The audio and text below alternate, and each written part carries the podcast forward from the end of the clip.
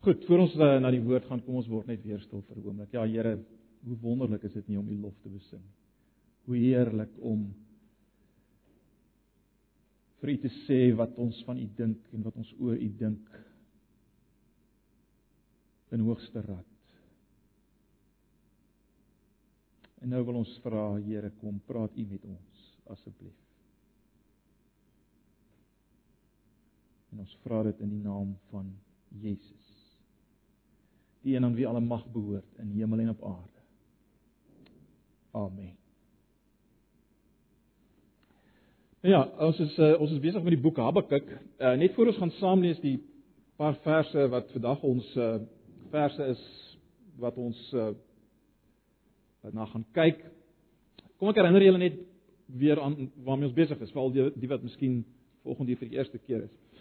Uh, ons is besig om te kyk na die boek Habakuk. Nou die boek Habakuk begin met uh met Habakuk wat eintlik 'n versoek het vir God dat God iets sal doen aan die onreg in die land.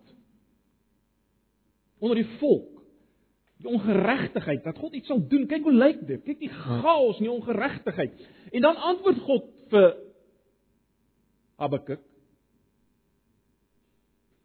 Maar nie soos hy gedink het God gaan antwoord. God sê vir hom: "Ja, ek gaan jou gebed antwoord, maar ek gaan die Galdeer stuur. Nou dis die die nuwe Babiloniese ryk. Ek gaan hulle stuur. En Habakuk is natuurlik verpletter want weet God dan nie dat hulle nog erger is as die ouens uh die leiers van die volk en dit wat in die volk gebeur. Hierdie ouens is absolute wreedaards.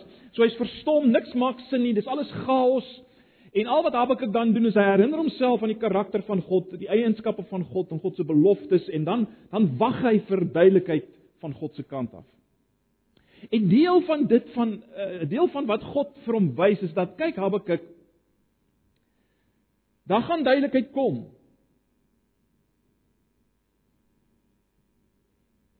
Die kennis van die heerlikheid van God gaan die aarde bedek. Soos die waters van die die waters die see die waters van die see die die seebodem bedek. En ek gaan iets doen ook. Ek gaan die Babiloniërs straf. Maar intussen tyd is daar net twee maniere om te lewe. En die regverdige, dis daai Habakuk 2 vers 3 en 4, die regverdige sal deur die geloof lewe. Ons het gepraat oor die vertaling uh die vertaling van die 53 is waarskynlik nog steeds die beste.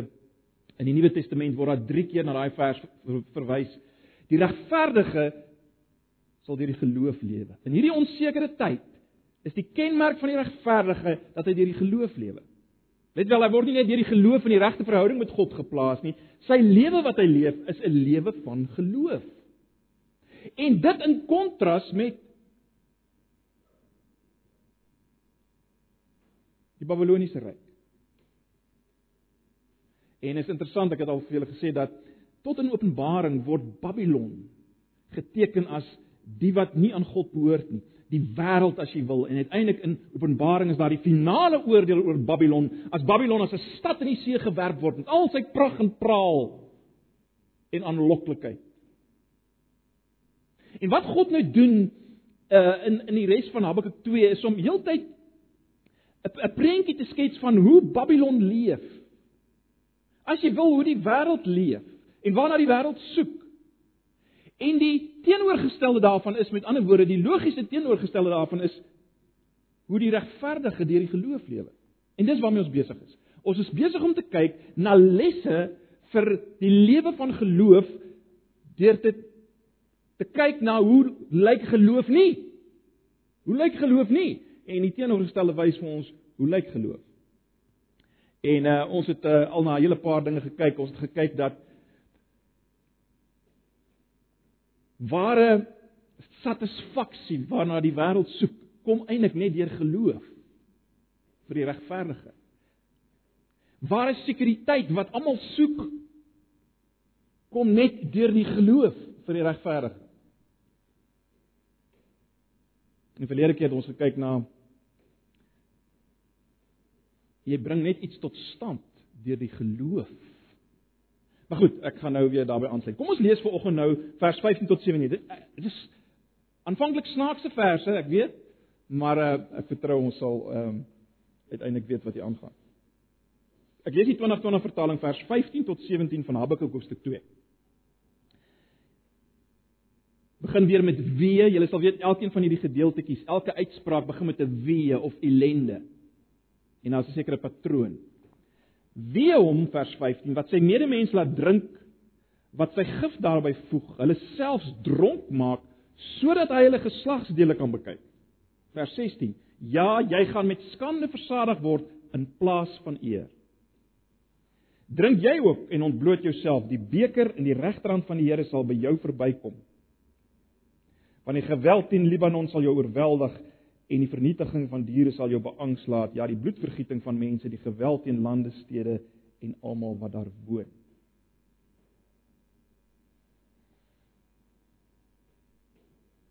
Dis die vers wat ons gaan lees. Moenie bekommerd wees nie, ons sal nou daarna kyk. Ek wil begin om vir jou 'n vraag te vra vanoggend en ek vra dit vir myself. Wil jy graag hê mense moet opkyk na jou? Vra jouself af. Wil ek graag hê mense moet opkyk na my? Wens jy heimlik dat mense jou bietjie meer sal prys? Wat doen jy sodat mense jou kan prys? Wat doen jy sodat mense jou kan prys? En as mense na al jou pogings om hulle jou te laat prys, as mense jou dan nie bewonder en prys en lof toeswaai nie, wat gebeur in jou binneste? Dink mooi, wees eerlik vanoggend met jouself. Wat gebeur in jou binneste? Hou dit in gedagte soos ons aangaan vanoggend. Ek sê weer, verlede keer het ons gekyk na die feit dat ons almal begeer om iets betekenisvol tot stand te bring, né? Om 'n merk te maak, 'n verskil te maak. Om te kan sê ek het 'n impak gehad rondom my. En ons het gesien daardie begeerte is nie verkeerd nie. Dis eintlik 'n Godgegewe begeerte, want heel aan die begin sê God vir Adam en Eva bewoon bewerk vul die aarde heers daaroor hê 'n impak op hierdie wêreld. Julle moet 'n impak hê op die wêreld. So die begeerte is nie verkeerd nie. Die vraag of as ek so stel, die probleem is dat ons dat ons hierdie impak net laat draai om onsself en ons manier hoe ons hierdie impak wil bewerk is verkeerd. Ons vergeet dat dat die finale groot impak is seker, dit wat ons in Habakuk 2 vers 14 sien. Die kennis van die heerlikheid van die Here sal die aarde vul. God is op pad soontoe. Dis sy groot doelwit. En ek en jy bring net iets betekenisvol tot stand as ons daarbey inskakel. Nie met ons eie krag nie, want Jesus sê sonder my kan julle niks doen nie dan in Johannes 5. Bly in my, die die ware wingerdstok. So ons word as ware deur God genooi om 'n impak te maak, die grootste impak wat denkbaar is deur deel te wees van sy plan om die wêreld te vul met die kennis van die heerlikheid van die Here. En ons het gesien die lewe van geloof is om om oortuig te wees dat selfs die kleinste dingetjie wat ek doen 'n bydrae daaroor daartoe kan lewer. Die manier hoe ek eet en drink en aantrek en optree elke dag. Nie net die groot dinge nie. Ek kan dit nie sien nie. Maar dis die hele punt. Dis geloof. Deur die geloof kan ek bydra tot die grootste impak denkbaar. So dis waarna ons gekyk het verlede keer.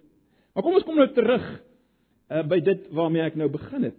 Ons begeerte om geprys te word. Jy sien, ons het nie net die begeerte om iets tot stand te bring. Ons wil ook hê dat mense daarvan moet weet, nie waar nie? Ons wil hê mense moet weet van wat ons tot stand bring, ek tot stand bring. Hulle moet dit sien en erken. Ons wil geprys word, ons wil geëer word, ons wil op die rug geklop word. Dit, dit is net so, is dit nie?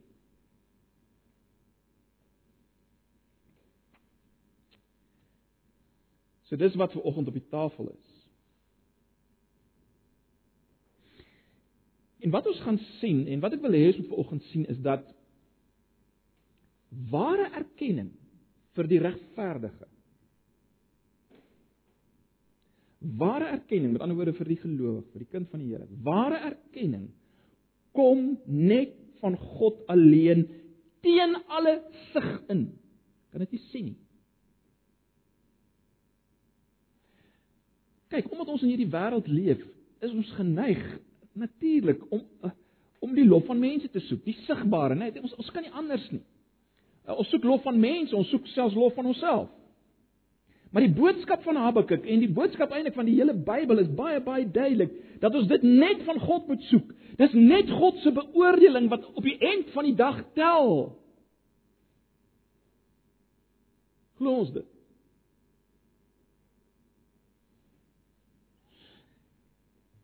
En hierdie manier van deur die geloof lewe, want ek kan dit nie sien nie.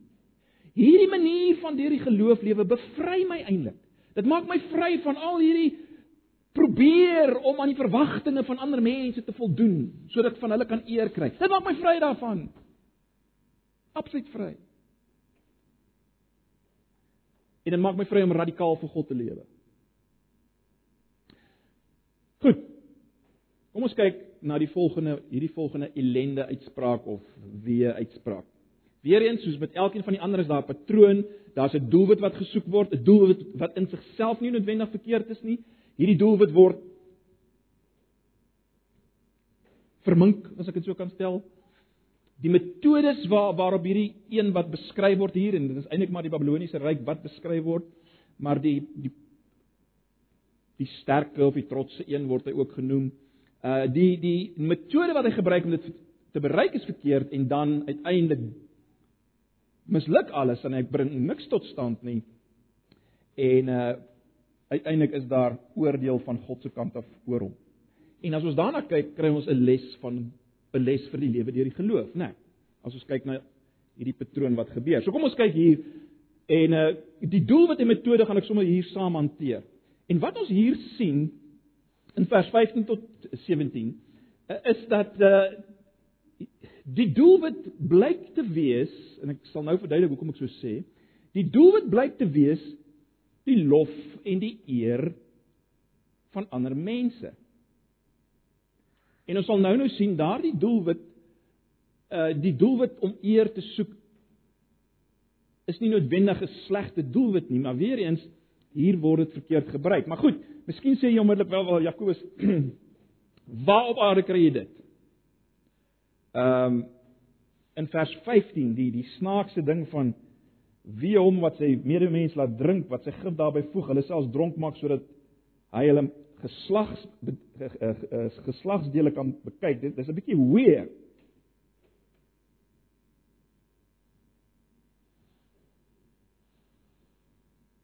Dit is verkeerd, dit lyk verkeerd, maar dit Het dit te maak met met eer en uh, eer soek, né? Nee, erkenning soek en so.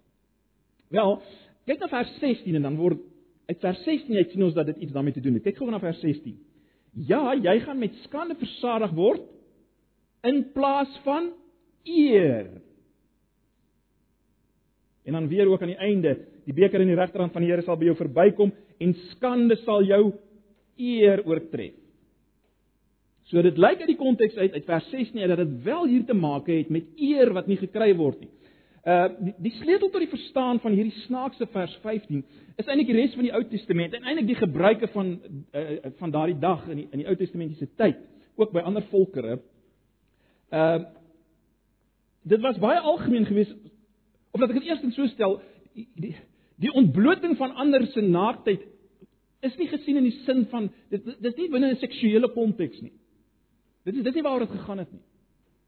Dit het gegaan om oneer op iemand te bring of om 'n oneer op 'n stad te bring ensovoorts. As die mense naak uitgetrek word, ontbloot word. 'n Baie interessante en goeie voorbeeld daarvan is Esegiel 16. Daai aangrypende gedeelte. Ek weet julle julle sou dit al gelees het. Ons het daarna gekyk, ja, toe ons Esegiel gedoen het ook. Esegiel 16 waar die volk Israel uitgebeeld word as 'n baba dogtertjie wat weggegooi is, nakend weggegooi is. En dan kom die Here en hy ontferm hom oor hierdie babatjie wat eintlik besig was om te sterf. En hy sê leef. En en God klee hierdie babatjie met pragtige klere en versorg haar en dan word sy groot en 'n pragtige meisie. Maar dan begin sy hoereer met almal rondom haar. En hier na die einde van Esegiel 16 toe dan kry ons 'n interessante uh, gedeelte waar die Here haar naaktheid ontbloot voor al daai minnaars. Dis letterlik wat ons van gelees het.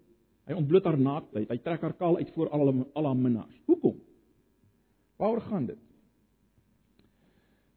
Wat is die Here se doel? Wat wel, dit is duidelik om Israel tot skande te bring, om haar tot publieke vernedering te bring as te ware as gevolg van haar egbreek. En natuurlik daardeur wil hy haar herstel, haar bekering tot uh tot stand bring. Maar maar maar, maar dis die, dis die, dis die gedagte daar. So dis wat ons moet onthou. So as ons dit gesê het, weet ons dat die doelwit in Habakuk 2 vers 15 is om eer vir jouself te kry deur oneer op ander te bring. So jy bring oneer, jy ontbloot die naaktheid van ander en so kry jy eer. So ek sê in ons konteks mag dit snaaks klink, maar dit is hoe dit uh, gewerk het. Maar dink 'n bietjie aan ons eie konteks. Is dit so snaaks dat ons dikwels wil eer kry deur oneer op ander te bring? Is dit so snaaks?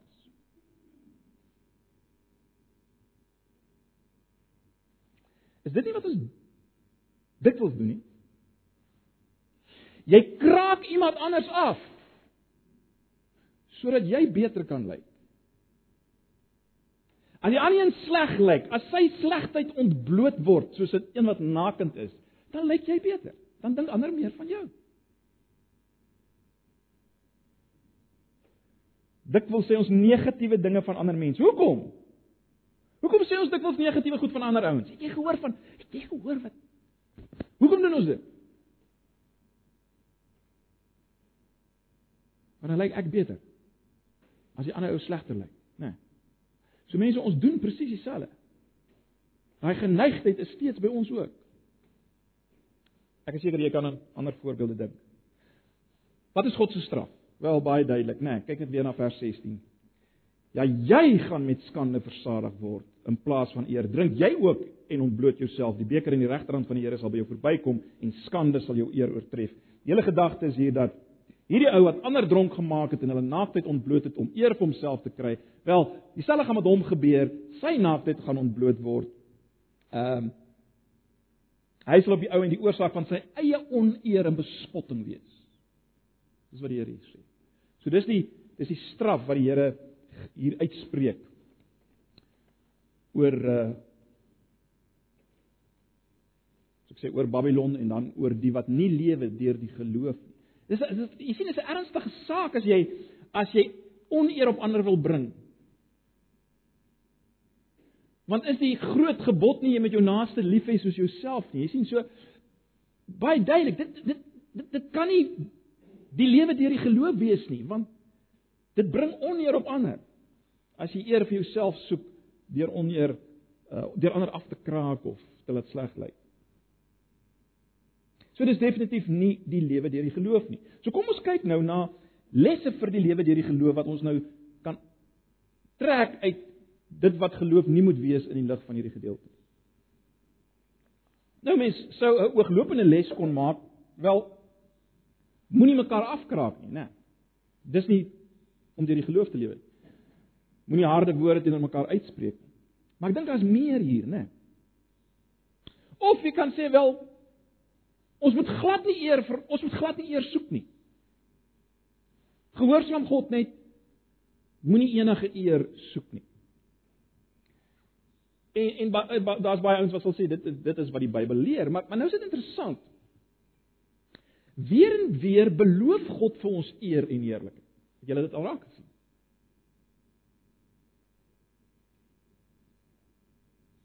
So as ons dit nie moet soek nie, is dit baie snaaks dat hy dat hy beloof hy gaan dit vir ons gee as ons dit nie moet soek nie. Kom ek gee net 'n paar voorbeelde. Jesus sê in Johannes 12 vers 26: As iemand my dien, sal die Vader hom eer. In Lukas 14 vers 11 sê Jesus: Elkeen wat homself verhoog, sal verneder word, en die wat homself verneder, sal verhoog word. Of 1 Petrus 5 vers 6: verneder julle onder die kragtige hand van God en hy sal julle wat verhoog op die regte tyd. Selfs in Spreuke 22 vers 4 kry ons dis vers die loon van nederigheid is die vrees van die Here. Dit is rykdom en eer en die lewe. So God beloof hierdie dinge. Miskien sê jy ja ja ja, maar God beloof dit net as 'n resultaat van van ons nederige diens. Ons moenie daarvoor mik nie. Wel, dis ook debatteerbaar want dit is baie interessant in in Romeine 2 vers 6 tot 7 word gelowiges genoem mense spesifiek wat soek na eer en heerlikheid. Dis die ouens wat uiteindelik deel sal wees van die vrygespreektes. Ek wil nie nou ingaan op die konteks van Romeine nie, maar dit is net interessant. Hulle word beskryf as die ouens wat soek na eer en heerlikheid. So dit lyk vir my weer eens, die soek van eer en heerlikheid is 'n Godgegewe ding. Die vraag is hoe moet ons soek vir eer en heerlikheid? En dit is die sleutel. En met die agtergrond van wat ons nou gesien het of met 'n bietjie meer begrip van uh in die lig van wat ons nou gesê het, kan ons kan ons dit sê. Ons moet eer en heerlikheid soek, maar hoe? Soek dit van God alleen. Soek eer en heerlikheid van God alleen. Moet nooit beïnvloed word deur die eer, die lof, die erkenning van mense nie. En dis natuurlik makliker gesê as gedoen. Ons het al verlede keer vir mekaar gesê, ons groot begeerte moet wees om van die Here te hoor, mooi so goeie en getroue diensknegt. Daar's geen groter eer as dit nie. Daar's niks meer betekenisvol. Niks maak meer saak nie. Maar dit is nie so maklik nie. Hoekom is dit nie so maklik nie? Wel, die logiese is want ons kan dit nie sien nie. Maar broers en susters, dis die hele punt van geloof. Is dit nie wat Paulus sê nie? Ons leef deur die geloof, nie deur die aanskoue nie. En ook Hebreërs 11, né? Om seker te wees, oortuig te wees van die dinge wat ons nie sien nie. Dis die lewe van 'n gelowige. En as daar een ding is waarmee die Here met my werk op die oomblik is dit dit. Want ons sê dit met ons monde, maar ons vat dit nie. En en juist daarom spandeer ons die grootste deel van ons lewens om mense te beïndruk, is dit nie so nie? Dink mooi. Die grootste deel van jou lewe is eintlik om mense te beïndruk. Ek meen van hoe jou hare lyk en hoe jou aan hoe jy aantrek.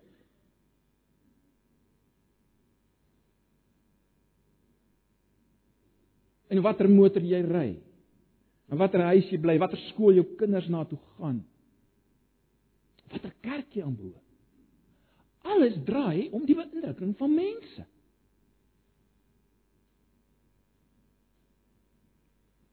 En dit het 'n impak op hoe jy leef en werk. Ehm um, ek wil nie nou daarop ingaan nie, maar dit is interessant in Efesiërs 5 of in Efesiërs 6, nê. Nee, ehm uh, praat Paulus met met werk met uh, met met, met werkgewers en werknemers en hy sê die ouens wat werk moenie werk soos soos oorbehaars soos ouens wat wat uh, hy gebruik die term oorbehaars nie met ander woorde jy wil jy wil jy wil ander behaag dat hulle sien dat hulle goeding van jou as hulle sien jy jy werk met ander woorde die gedagte is jy, jy jy werk net as mense sien jy werk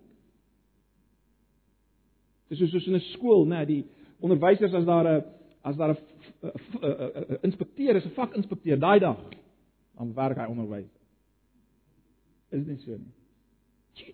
Inspekteer op vandag. Vandag gaan ons boodskap. Jy sien, want dit gaan oor mense. Maar die punt daar in Efesiërs 5 en 6 is dat alle werk wat 'n Christen doen, doen hy vir die Here.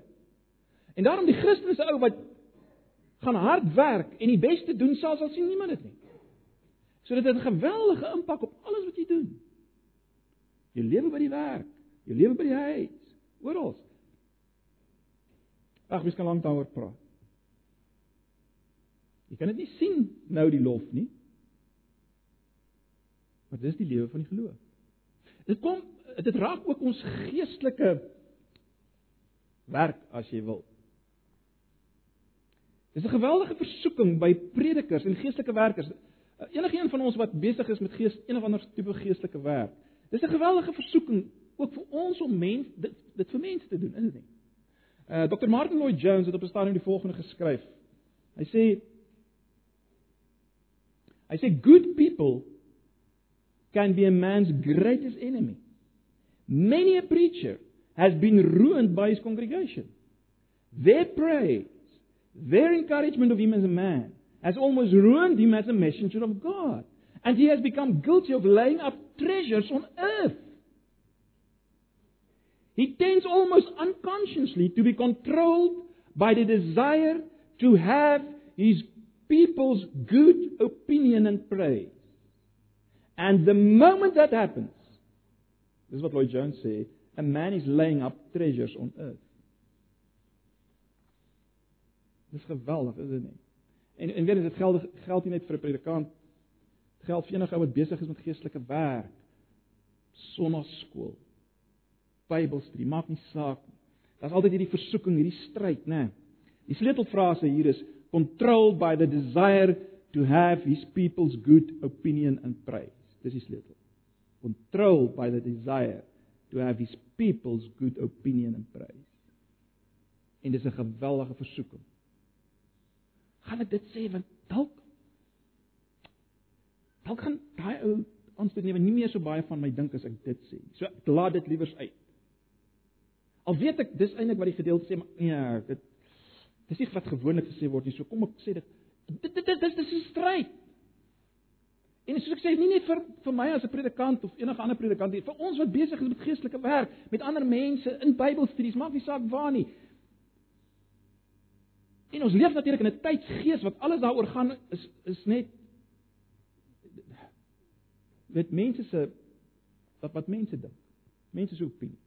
Maar dis 'n geweldige gevaar. Broers en susters, ons moet dit onthou, ons moet onthou God is uiteindelik die een wat ons ondersoek. As ons deur sy krag wat in ons werk, lewenslewe wat hom verheerlik, sal hy vir ons erkenning gee en heerlikheid. Hy is die een wie se opinie se opinie tel. Niemand anders se opinie tel regtig nie. Glo ons dit. En wat bring hom die meeste eer? Wat bring God die meeste eer? Wel, as ons glo dat hy vir ons eendag die grootste eer gaan gee. Heerlikheid gaan gee. Hoekom? Omdat ons in Christus Jesus is, nie omdat ons so oulik is nie, omdat ons in Christus Jesus is. Niks anders nie. As ons dit glo, as ons glo dat God ons eer en heerlikheid kan gaan gee bloot omdat ek in Christus Jesus is, dan bring dit vir God eer. As ons dit glo teen alle bewyse in, teen alle sig in, bring dit hom eer. Bring dit hom eer. Kom vertel julle verhaaltjie. Ek het dit seker al vertel. Uh Daar was 'n Romeinse prediker hier in die kommunistiese tyd, so dis in die hier in die 50s in Roemenië, uh, Joseph Tson. Hy het in Engeland teologie studeer en toe het hy teruggegaan Roemenië toe en baie goed geweet dat hy kan ehm um, sy dood tegemoet gaan. En hy het ook geweldig baie vervolging en belediging toe deurgegaan toe hy teruggekom het. Hy het 'n hele teologie van lyding ontwikkel as ek, as ek dit so kan stel en hy het geargumenteer dat alhoewel ons nie moet soek om vir die Here te sterf nie, ehm um, was sy siening dat die Here die die dood van sy uh, kinders of martelare geweldig gebruik uh, in die uitbreiding van sy koninkryk en so meer. So hy het hierdie hy het hierdie teologie gehad van van lyding en uh, hy was reg met ander woorde vir die dood as ek dit so kan stel vir lyding uh, uh, uh, dit was sy sy gebied gewees. En toe op 'n dag word hy in hegtenis geneem en ehm uh, Een van die Romeërs wat hom ondervra het, het die volgende vir hom gesê, het hom gesê: "Josef, onthou jy daai dag 20 jaar gelede toe jy jou rug op die geloof gedraai het? Wel, ons het ondersoek gaan instel na wat jy gedoen het in daai tyd. En blykbaar was dit verskriklike goed wat hy gedoen het. Ek weet nie wat dit was. Blykbaar het hy vreeslike goed gedoen. So wat het die ou hom sê? Kyk, ons het gaan ondersoek instel oor dit wat jy gedoen het daar. En ons het 'n pamflet opgestel oor dit alles. En ons gaan dit versprei onder al hierdie mense wat jou nou so hoog ag as hulle as hulle prediker. As die ou wat vir hulle die evangelie en die waarheid bring, wat so hoë siening van jou het. Ons gaan dit versprei onder hulle almal. En hulle gaan jou verag daarna. Hulle gaan niks van jou dink. Hulle gaan jou verwerp. Jy so dit moet sien. Al die ouens wat jou liefgehad het, gaan jou verwerp as hulle dit sien. En dit het hierdie Josef blykbaar totaal van sy voete afgeslaan. Hy het, hy het letterlik in mekaar gestort en hulle het hom hulle het hom eintlik huis toe gestuur dat hy maar daar moet gaan sterf. So erg was dit. En uh die die die verhaal lei dat hy tot die Here gebid het in daai tyd en hy sê: "Hoekom? Here, hoekom? Hoekom uh ek het so baie verdier. Hoekom moet al my vriende ook nou, almal wat my liefgehad het, ook nou dit dit weet en en en, en as gevolg daarvan te my draai?" En hy hy sê uh, Joseph Twin sê dat die volgende het as te ware by hom opgekom en ek ek gaan dit maar lees uh dis nou vertaal maar ek gaan dit maar lees soos soos ehm uh, soos hy dit beskryf. Hy hy beleef dat die Here vir hom sê Josef, is dit hoe jy martelaarskap beskou? Jy word gelei na die brandstapel en al jou ondersteuners staan in 'n ry en gee applous. Josef, ons het jou lief. Hoera vir Josef. Wees sterk, ons is met jou. Maar wat as ek Ekskuus, maar maar wat as die martelaarskap wat ek vir jou kies anders is? Wat as ek jou vra om te sterf met almal wat die strate vol staan, ingeslote jou vriende, terwyl hulle op jou spoeg, jou haat, jou verag? Is jy gewillig om daardie dood te sterf? Is ek so baie werd vir jou? En terloops Josef, hoe het ek gesterf?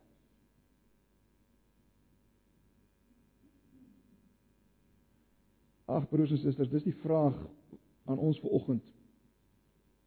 Hoeveel is God werklik werd vir ons? Hoeveel is God se opinie werklik werd vir ons? Ons kan so maklik oor hierdie goed praat, maar hoeveel is dit werklik werd vir ons? Is ons gewillig? Is jy gewillig om selfs die goedkeuring van familie, vriende, werkgewer, gemeente, maak nie saak wat nie. Is jy gewillig om dit te verloor en slegs die lof en goedkeuring wat van Jesus kom oor te hê? En dan sê ek nie dis noodwendig wat die Here van jou gaan vra nie, glad nie. Maar dis die uitdaging. En dis waar die tekkie die teer slaan, hè. Die lewe van geloof of nie. Kom ek stel 'n bietjie te ander hoek uit. En dan sluit ek af. God het jou geskep om sy kind te wees. God maak jou erfgenaam volgens Romeine 8, maak ons erfgename saam met Christus Jesus. Ons gaan alles erf, sê hy. Hy sê ons gaan op trone saam met Christus sit, as te ware. Ons gaan regeer, ons gaan alles hê. Erfgename van God, mede-erfgename saam met Jesus, beskryf Paulus dit. verhoog, volkome. Herstel met 'n nuwe liggaam. Op 'n nuwe aarde. Dis tog dis tog ons hoop dat alles gaan nuut gemaak word. En die, die vraag is nou, is dit genoeg vir my en jou dat ons dit gaan kry?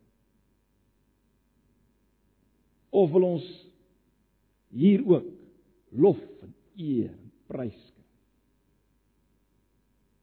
Ag ek hoop julle sien binne watter konteks ons dit stel. Dis nie dis nie verkeerd om om om mekaar te bemoedig en, en lof te gee nie. Ek ek, ek, ek hoop ook nie julle hoor my verkeerd vanoggend nie. Ek hoop julle sien die konteks waarvan waarvan ons dit sê. Maar dis die uitdaging, né? Dis die uitdaging.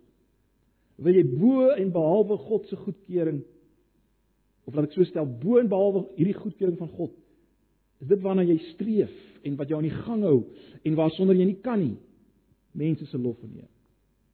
Want dis die keuse tussen die lewe van geloof en die lewe van sig, né, die lewe van sien. Dit is die dis waar die dis waar die skeidslyn kom.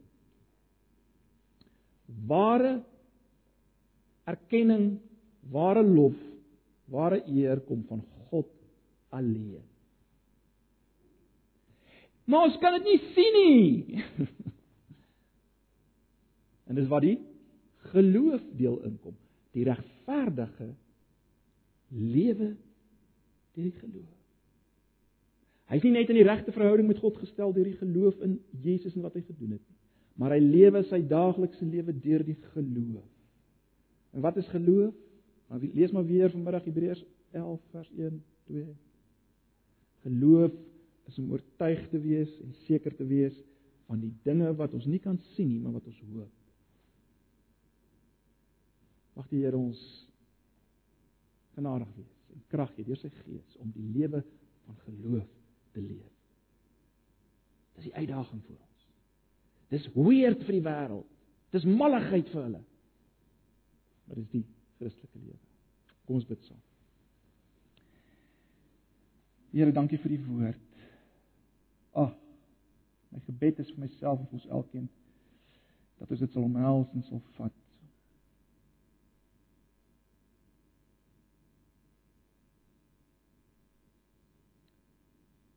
Wil U kom en deur die Heilige Gees ons opnuut oortuig van die feit dat U ons liefhet. Onbeskryflik liefhet en dat U vir ons geweldige eer en heerlikheid in gedagte het. Ver bo wat ons kan bid of dink vir oggend. Help ons om dit deur die geloof te omhels. Ons vra dit in Jesus se naam. Amen. Mag die genade van ons Here Jesus en die liefde van God en die gemeenskap van sy Heilige Gees met julle elkeen wees en bly in hierdie dag en die dag wat kom as ons gaan lewe deur die geloof. Amen.